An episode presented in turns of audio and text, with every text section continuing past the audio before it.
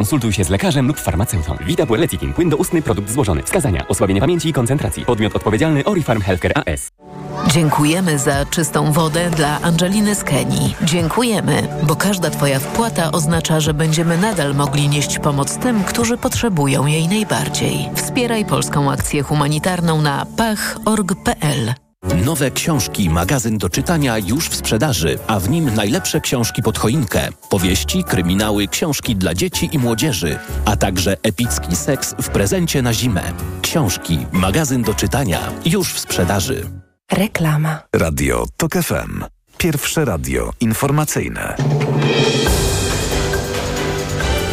Informacje TOK FM. 12.20 Konrad Sabal. Karą 100 tysięcy złotych został ukarany minister zdrowia za ujawnienie danych osobowych o stanie zdrowia jednej z osób. Karę nałożył prezes Urzędu Ochrony Danych Osobowych za wpis w mediach zawierający informacje na temat lekarza. Chodzi o sytuację z początku sierpnia. Ówczesny minister Adam Niedzielski podał na Twitterze dane osobowe lekarza z Poznania wraz z informacją o wystawionej przez niego recepcie. Lekarz, którego dane zostały upublicznione, może dochodzić odszkodowania za upublicznienie danych prywatnie od Adama Niedzielskiego. Wiceminister Funduszy i Polityki Regionalnej Maciej Lasek będzie pełnomocnikiem premiera do spraw Centralnego Portu Komunikacyjnego. Poinformowała dziś szefowa tego resortu Katarzyna Pełczyńska-Nałęcz. Centralny Port Komunikacyjny to planowany węzeł przesiadkowy między Warszawą i Łodzią, którego główną, głównym elementem ma być nowy port lotniczy. Kardynał Konrad Krajewski, pełniący funkcję jałmużnika papieża Franciszka, spędzi Boże Narodzenie w Jerozolimie. Watykan informuje, że wizyta kardynała Krajewskiego w Ziemi Świętej jest konkretnym znakiem udziału papieża w cierpieniu tych, którzy doświadczają konsekwencji wojny. Kardynał Krajewski poprzednie Boże Narodzenie spędził na Ukrainie razem z uchodźcami i wolontariuszami. To są informacje TOK FM. W Krakowie rozpoczął się montaż 31. żywej szopki przy ulicy Franciszkańskiej. W tym roku w wybudowanej przez zakonników zagrodzie podziwiać będzie można nie tylko osiołka, będą tam również lamy, kozy i kuc. Zakonnicy pomyśleli też o wspólnym śpiewaniu kolęd. W czasie świąt odbędą się też dodatkowe koncerty. Zapowiada franciszkanin Szymon Greszta. Zaczynamy 24, 22.30. E, będzie powitanie, złożenie życzeń. Następnie nastąpi kolędowanie z zespołem franciszkańskim Fioretti. Szopka jest cały czas w budowie, ale jak zapowiadają zakonnicy, gotowa powinna być już w sobotę. Zwykle no, budujemy, to jest, budujemy trzy dni, czwarty dzień to jest taka już dekoracyjna rzecz. Franciszkanie poszukują jednak wolontariuszek, które w pierwszy i drugi dzień świąt wcielą się w rolę Maryi. Kolejne informacje o 12.40, za chwilę prognoza pogody. Pogoda. Synoptycy ostrzegają przed silnym wiatrem w województwie podkarpackim. Około od południa do godzin nocnych bardzo silnie może wiać m.in. w powiatach rzeszowskim, sanockim, tarnobrzeskim i ropczyckim. Dziś dużo chmur, będą też przejaśnienia. Przelotnie może padać deszcz ze śniegiem i śnieg. Temperatura plus 1 stopień w Białymstoku, plus 2 w Warszawie i Lublinie, plus 3 we Wrocławiu i Krakowie, plus 4 w Rzeszowie, plus 5 w Gorzowie. Radio TOK FM. Pierwsze radio informacyjne. Popołudnie Radia TOK FM. 12.23 Filip Kakusz, Marzena Okładrewnowicz, minister do spraw polityki senioralnej Polski, cały czas z nami. Dzień dobry. Dzień dobry. Ponownie. Rozmawialiśmy o założeniach e, bonu senioralnego e, i te założenia już e, pani minister opisała dość szczegółowo. Kiedy? Kiedy to wejdzie w życie? E, już odpowiadam bardzo konkretnie. Mieliśmy w czasie kampanii wyborczej zapowiedź 100 konkretów na pierwsze 100 dni. Bon mhm. został wpisany do tych 100 konkretów. Nie wszystkie 100 konkretów zostanie zrealizowane, stąd pewna wątpliwość. Ten bon na opiekę, wpisany do 100 konkretów, będzie w ciągu pierwszych 100 dni konkretnym projektem ustawy, mhm. który będzie poddany oczywiście konsultacjom międzyresortowym, konsult konsultacjom społecznym, e, a więc w ciągu tych 100 dni będziemy mieli gotowy projekt na stole. Teraz tak, kiedy on wejdzie w życie, to oczywiście będzie uzależnione od wyników tych konsultacji. Pamiętajmy, że to nie jest prosty pieniądz, który wymagał będzie tylko transferu. To jest cały system, do którego muszą być przygotowane samorządy, ośrodki pomocy społecznej. I y, będziemy z pewnością y, z nimi konsultowali, jaki, y, w jakim czasie oni będą gotowi.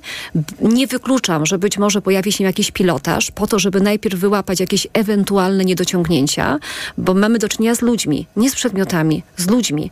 Więc ważne jest to, żeby wprowadzając ten bon, wprowadzać absolutnie z jakimś minimalnym ryzykiem jakiegokolwiek błędu.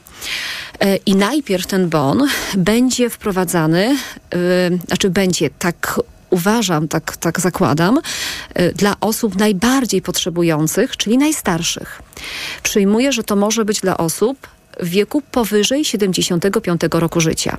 Dlaczego? Dlatego, że im człowiek starszy, tym większe ryzyko niesamodzielności, ale z drugiej strony, nawet gdybyśmy chcieli, żeby ten bon, y, tym bonem objąć osoby młodsze, to też nie zdążymy, znaczy to rynek nie zdąży z przygotowaniem rąk do pracy, bo wiemy, że muszą być po drugiej stronie asystenci y, asystenci opiekunów osób starszych, czyli osób wymagających wsparcia z uwagi na wiek. Więc my musimy go wprowadzać systematycznie, żeby równocześnie miał kto realizować ten bon. Nie tylko w sensie organizacyjnym, samorządowym, czy w sensie ośrodka pomocy społecznej, ale w sensie konkretnej usługi wykonywanej przez konkretnego opiekuna, opiekunkę. Mówi Pani o rękach do pracy, które trzeba przygotować i to jest właśnie moja obawa, dlatego że boję się, że praca z seniorami, to teraz widać w DPS-ach, y, jest pracą niezwykle wymagającą wobec tego, jak zachęcić ludzi do tego, żeby, żeby, coś, takiego, żeby coś takiego robili, no bo biorąc pod uwagę, że chociażby do tych DPS-ów mhm. trafiają ludzie, y, ponieważ y, są kolejki i są to drogie, drogie, drogie rzeczy, trafiają tam ludzie, którzy rzeczywiście naprawdę potrzebują stuprocentowej, całodobowej opieki, i opieka nad nimi jest więc bardzo, bardzo wymagająca i bardzo też niewdzięczna. No i jeśli chcemy rozbudować mm, e, całą politykę senioralną, to takich ludzi jest o wiele więcej i będzie coraz więcej. No i gdzie znajdziemy opiekunów w tym starzejącym się społeczeństwie? To jest tylko kwestia pieniędzy? Chyba nie. W dużej mierze jest to kwestia pieniędzy. Jednak? Bo ja myślę, że tak, ponieważ jeśli za daną usługę jeżeli, jeśli można byłoby zarobić więcej, godzina byłaby atrakcyjniejsza e, finansowo niż jest dzisiaj, to też i zainteresowanie byłoby większe. Ale e, kwestia zdobywania tych kwalifikacji bardzo prostych. My nie mówimy o szkołach, szkołach, które będą specjalnie edukować i przygotować. Oczywiście też, bo jak będzie, oczywiście będzie też potrzebna e, specjalistyczna opieka i ona będzie wymagała dłuższego przygotowania, ale mówimy o bardzo prostych kursach, które będzie można uzyskać na przykład nabywając te umiejętności y, dzięki urzędom pracy. To też jest możliwe i o tym też rozmawiamy. Y, Popatrzmy też na dzisiejszy rynek. Jak wiele osób my mamy w szarej strefie, jeśli mhm. chodzi o ten obszar. Więc my musimy znaleźć sposób, czyli zachętę finansową i ścieżkę zdobywania kwalifikacji prostą, żeby te osoby wyciągnąć z tej szarej strefy, żeby one w przyszłości nie świadczyły tylko y, tej opieki dla tej jednej osoby, która jej płaci indywidualnie, ale żeby zrobić w cudzysłowie oczywiście, z tej osoby profesjonalnego opiekuna, który będzie mógł świadczyć swoją usługę dla tego seniora, dla innego i może jeszcze dla trzeciego, w zależności od skali potrzeb. Bo jeżeli ktoś będzie wymagał tylko dwóch godzin dziennie mhm. i są takie trzy osoby, to taki opiekun będzie nawet mógł świadczyć tę opiekę dla trzech osób. Niekoniecznie też e, codziennie, bo to zależy jaka jest potrzeba. Ale będą też takie osoby, które będą potrzebowały maksymalnie sześć godzin. I zdarzą się też takie przypadki, przypadki i bardzo często będą miały miejsce, gdzie ktoś będzie wymagał całodobowej opieki. I tutaj będzie przed nami, jest przed nami kolejne zadanie, żeby skoordynować w ogóle opiekę całodobową, długoterminową, a więc całą procedurę i, i ścieżkę e, organizacji i finansowania zarówno zakładów opiekuńczo-leczniczych, które są przy szpitalach, jak i domów pomocy społecznej. Dzisiaj jest tak, że w tych zolach są największe kolejki, ponieważ e, w, za e, pobyt w zolu nie płaci rodzina, nie płaci samorząd. Więc dzisiaj mamy tam największy problem i musimy też pomyśleć, jak otworzyć właśnie e, Zole na inne też e, placówki, żeby tu nie blokować miejsca, a zarazem, jeżeli ktoś dalej potrzebuje takiej opieki, to gdzie go dalej pokierować? I tutaj do tego zadania, bardzo trudnego, bo jest to kwestia opieki długoterminowej, która ma największy, która w największej skali oczywiście jest, jest w, Ministerstwie Zdrowia będziemy tworzyć zespół międzyresortowy do wypracowania tej całej procedury. A da się coś zrobić bez pieniędzy? w ramach kompleksowego systemu opieki senioralnej? Czy to wszystko zależy od tego, ile dosypiemy z budżetu do, do, tego, do tego systemu? Czy być może są jakieś rozwiązania, no chociażby w skali mikro, które można wprowadzić na tyle sprawnie i w miarę bezkosztowo, żeby zaktywizować seniorów, chociażby tak na tyle, żeby oni dłużej pozostawali mm, sprawniejsi i, i mogli o siebie lepiej zadbać? Na pewno jest tak, że można.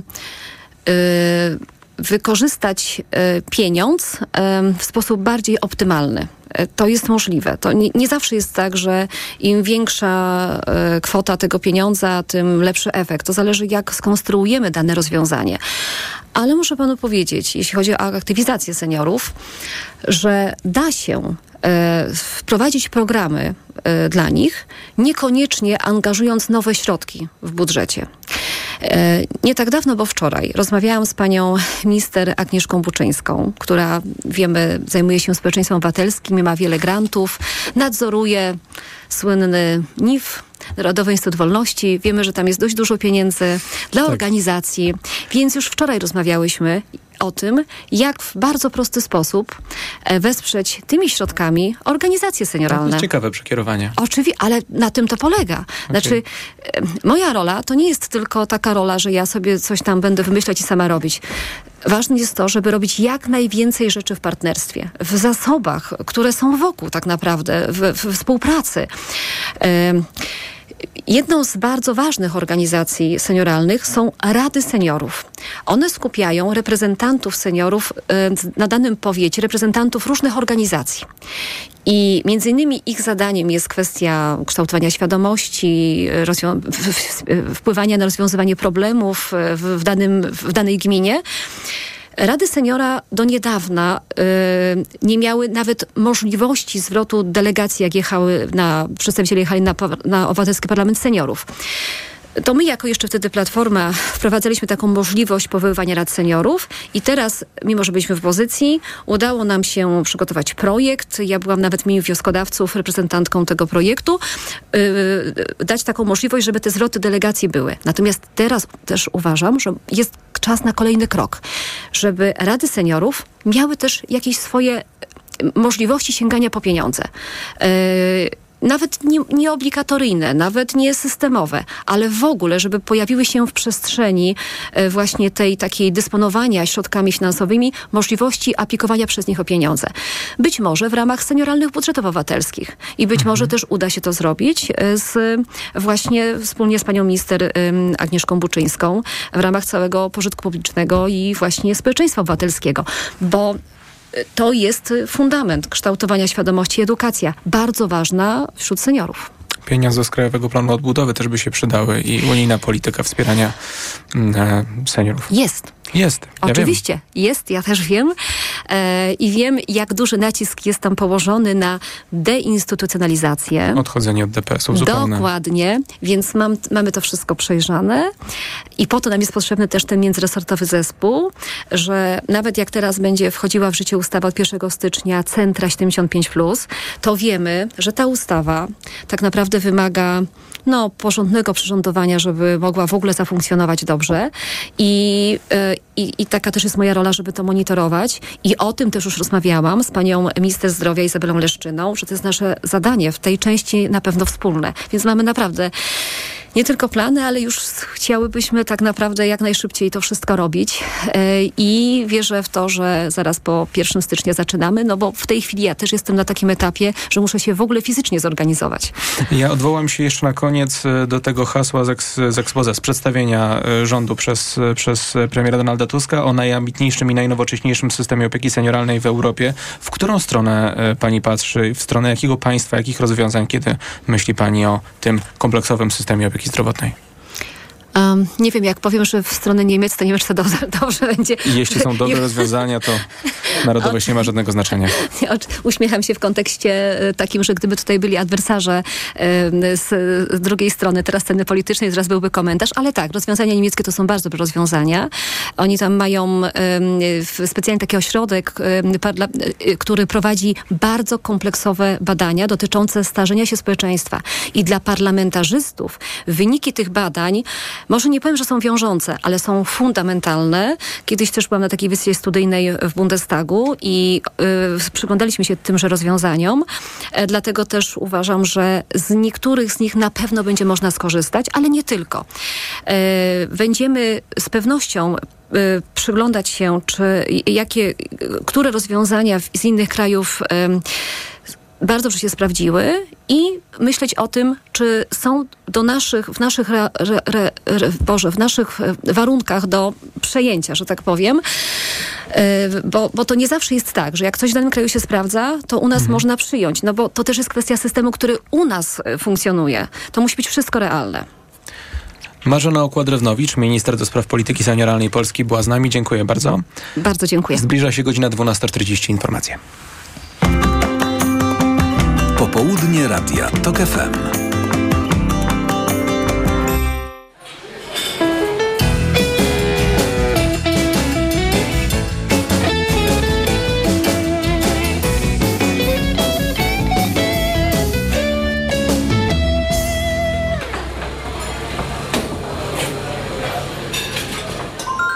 Autopromocja. Mała władza. Podcast TOK FM. Wyróżniony nagrodą Grand Prix w konkursie Podcast Roku. Zaprasza Andrzej Andrysiak. Dokładnie prześwietlamy w mediach tę władzę na górze, a tę na dole traktujemy pobłażliwie, bo jest samorządowa, bo blisko ludzi, bo przecież rozwiązuje ich problemy. Ale to tylko wersja oficjalna i PR, a nie rzeczywistość. Pojechałem do małych miejscowości, by sprawdzić, co się stało z naszą lokalną samorządnością. Mała władza. Tylko w TOK FM Premium. Słuchaj na tokefm.pl ukośnik władza lub w aplikacji mobilnej. TOK FM.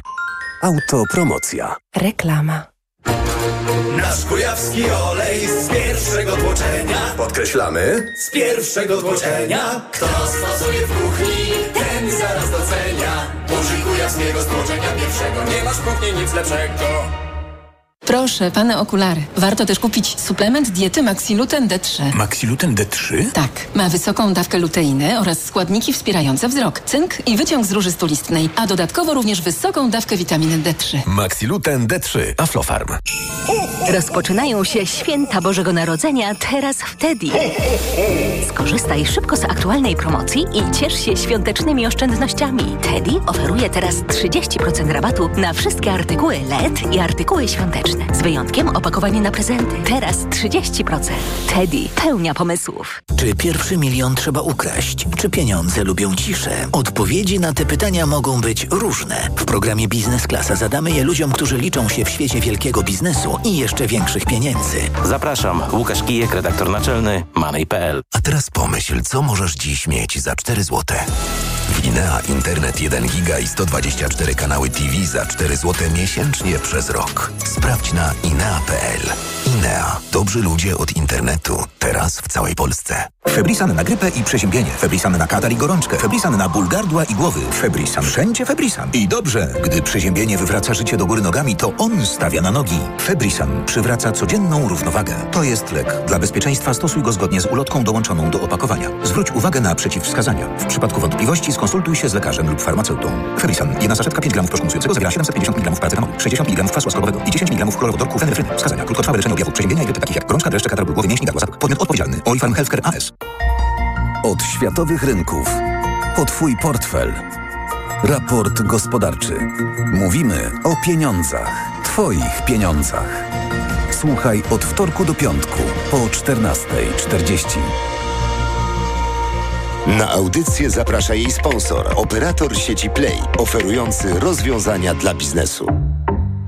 Play. Przeceny na święta w Media Expert, a do tego na produkty objęte promocją 30 rat 0% i dwie raty zapłacimy za Ciebie. RSO 0% i do marca nie płacisz. Na święta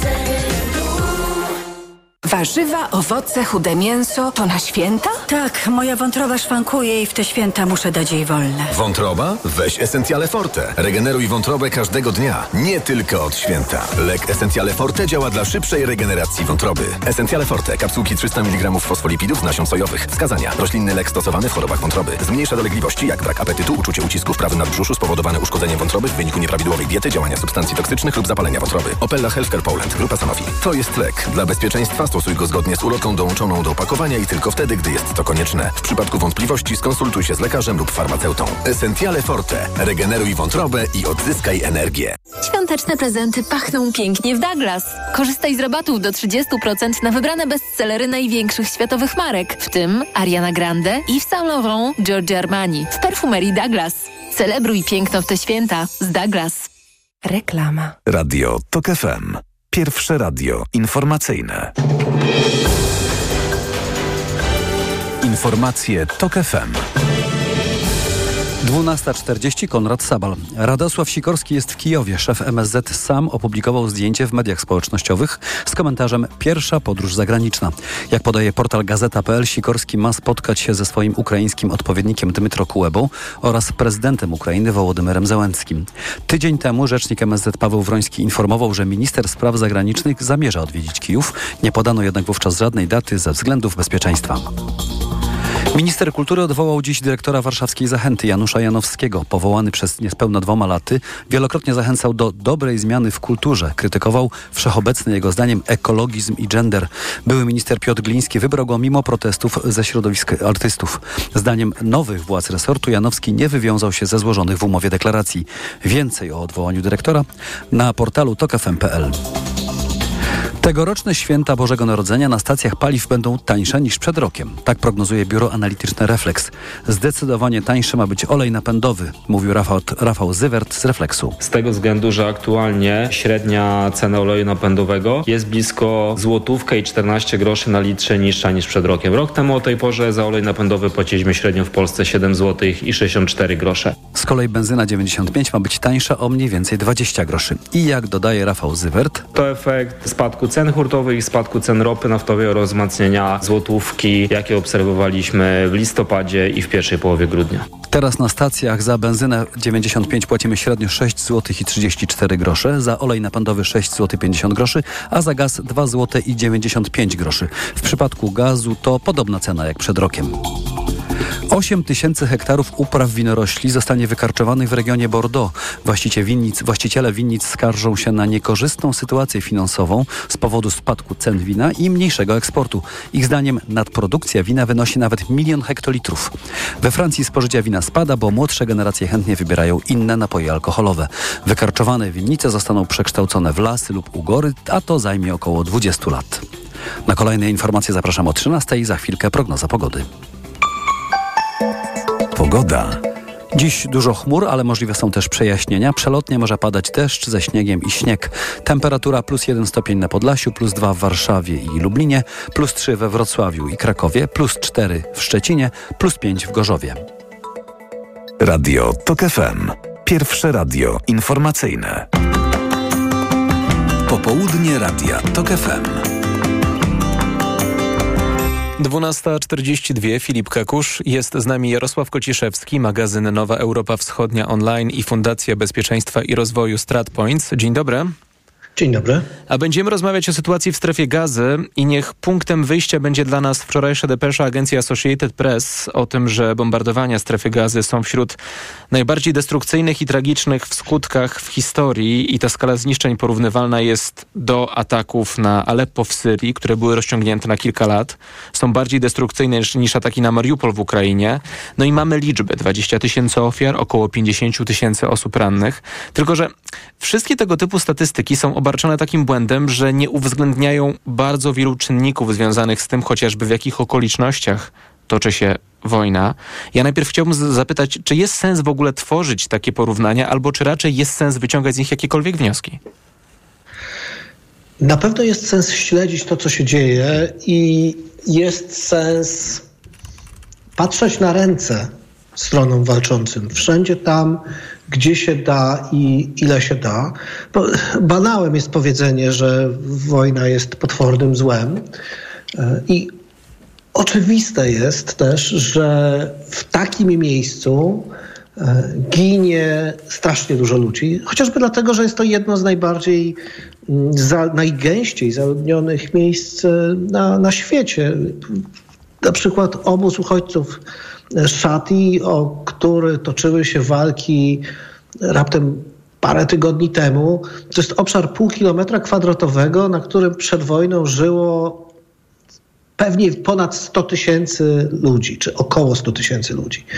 E, no to, to, to są w ogóle liczby nie To jest niewyobrażalne. I teraz e,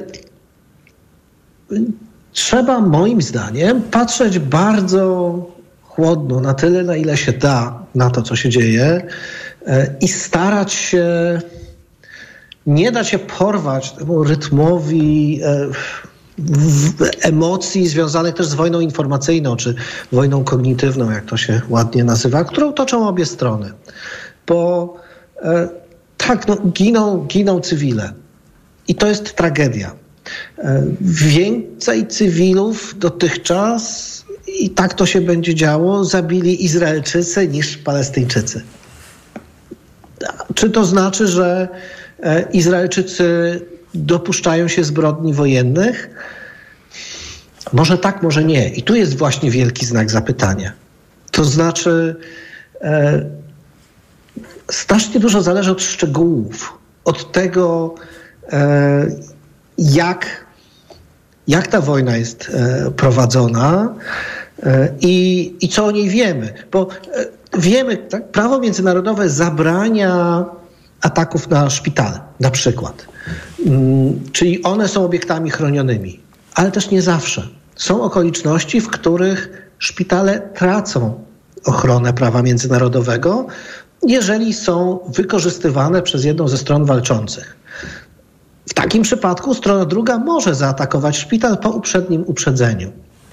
I teraz e, Izraelczycy wchodząc do szpitali, czy atakując szpitale, twierdzą, że są one wykorzystywane przez Hamas, a wcześniej uprzedzają dyrekcję tych szpitali. Czyli zdaniem Izraelczyków postępują zgodnie z prawem. Palestyńczycy, Hamas, Palestyńczycy twierdzą, że te szpitale nie są w żaden sposób wykorzystywane. Komu wierzyć? Pewnie nikomu. E, należałoby czekać na jakąś międzynarodową komisję, najlepiej sądowniczą, e, która w którymś momencie byłaby w stanie mm, to ocenić. Bardzo łatwo wpuścić się też w pułapkę na przykład białego e, fosforu, bo bardzo często słyszymy, tak, biały fosfor jest używany, to jest zbrodnia wojenna. Mhm. Otóż nie do końca bo biały fosfor nie jest zabroniony, można go używać w określony sposób.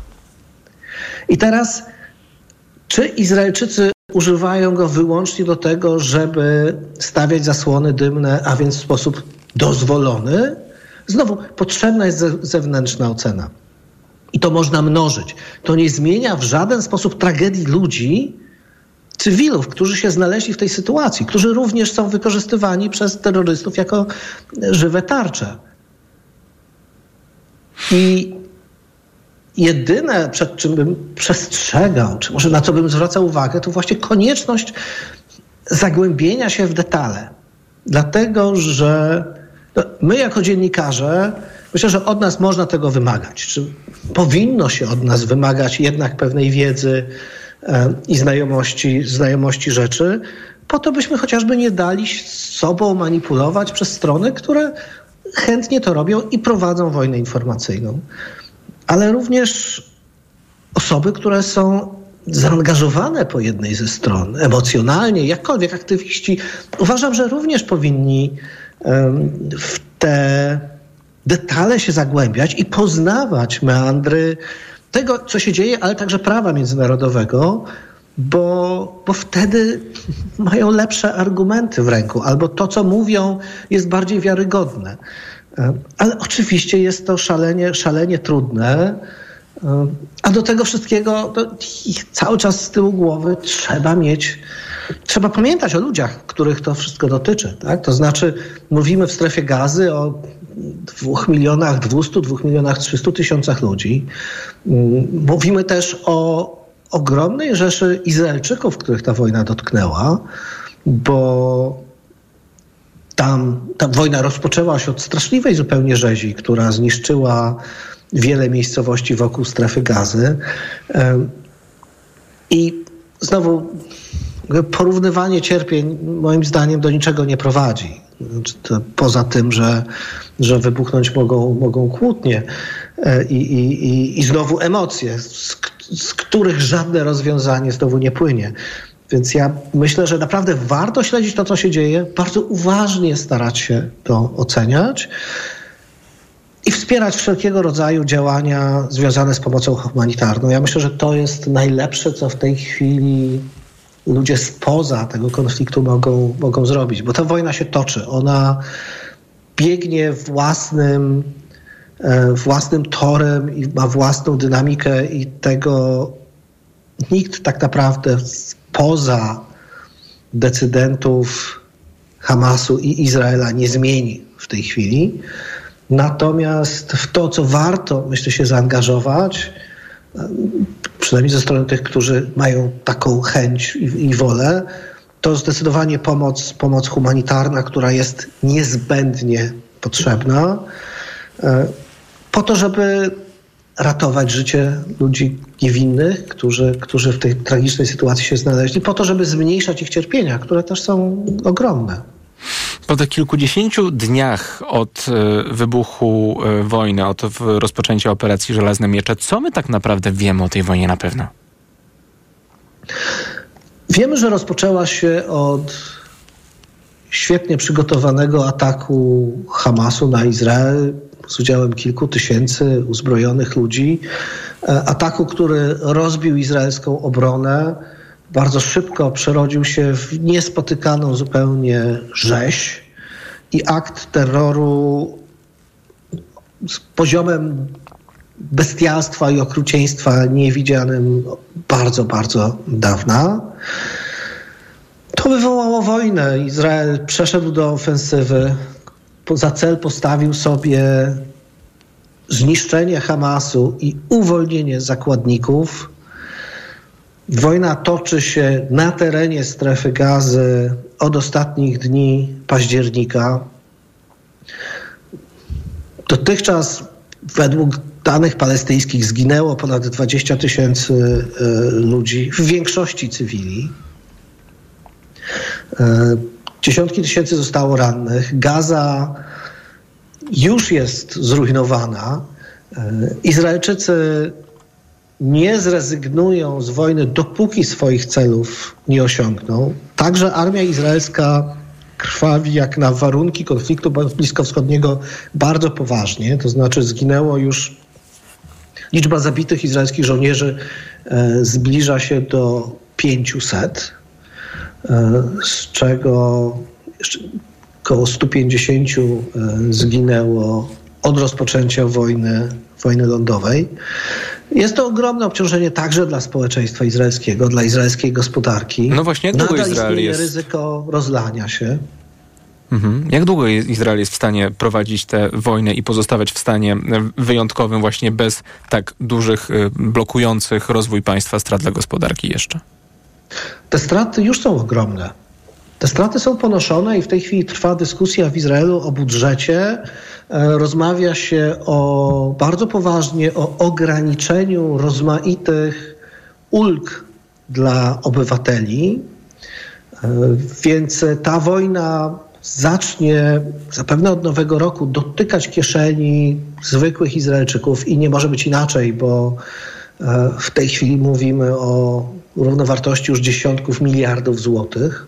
To jest naprawdę, naprawdę dużo. Natomiast Izraelczycy są przekonani, że walczą o swoją egzystencję. W związku z tym koszty finansowe są tutaj kwestią wtórną. Trwa w tym momencie jakaś dyskusja między Izraelem, Hamasem, negocjatorami z Egiptu e, i Kataru o e, kolejnym zawieszeniu broni, bo mam wrażenie, że mieliśmy w ostatnich dniach dosyć sprzeczne informacje, czy raczej serię informacji o tym, że to się dzieje, po czym e, te negocjacje nie przebiegają po myśli żadnej ze stron. To jest, taka jest natura rzeczy negocjacji, to znaczy one, kontakty trwają, Natomiast każda ze stron ma swoje e, cele. Izraelczycy chcą, e, żeby jak największa liczba mm, zakładników została uwolniona. Hamas, zakładam, chciałby, żeby zawieszenie broni było na tyle długie, żeby Izraelowi potem było trudno wznowić walki, mm, bo to zwiększy szanse tej organizacji na przetrwanie, a jeżeli przetrwa, to ogłosi sukces. Więc e, do tego wszystkiego informacje, które wychodzą na zewnątrz, są również częścią gry nacisków. Mm, więc ja bym bardzo spokojnie czekał przynajmniej na ogłoszenie zawieszenia broni, choć tak naprawdę czy ono będzie, okaże się dopiero w momencie, kiedy zacznie być realizowane. Do tego momentu jest to rozgrywka, kolejna płaszczyzna walki między stronami, które fizycznie ze sobą walczą w strefie gazy. Czyli łapiemy się na te y, przekazy przedstawione przez obie strony i trochę uczestniczymy w tej wojnie informacyjnej, rozmawiając o tym? Rozmawiając o tym nie. Natomiast y, przyjmując to dosłownie i nie patrząc na to krytycznie, to jak najbardziej, bo każda ze stron chce wygrać i każda ze stron dostarcza informacje, dostarcza obrazy, mm, dostarcza emocji, e, które uważa, że działają na jej korzyść. To jest część właśnie wojny kognitywnej, którą zresztą znamy też z wojny w Ukrainie.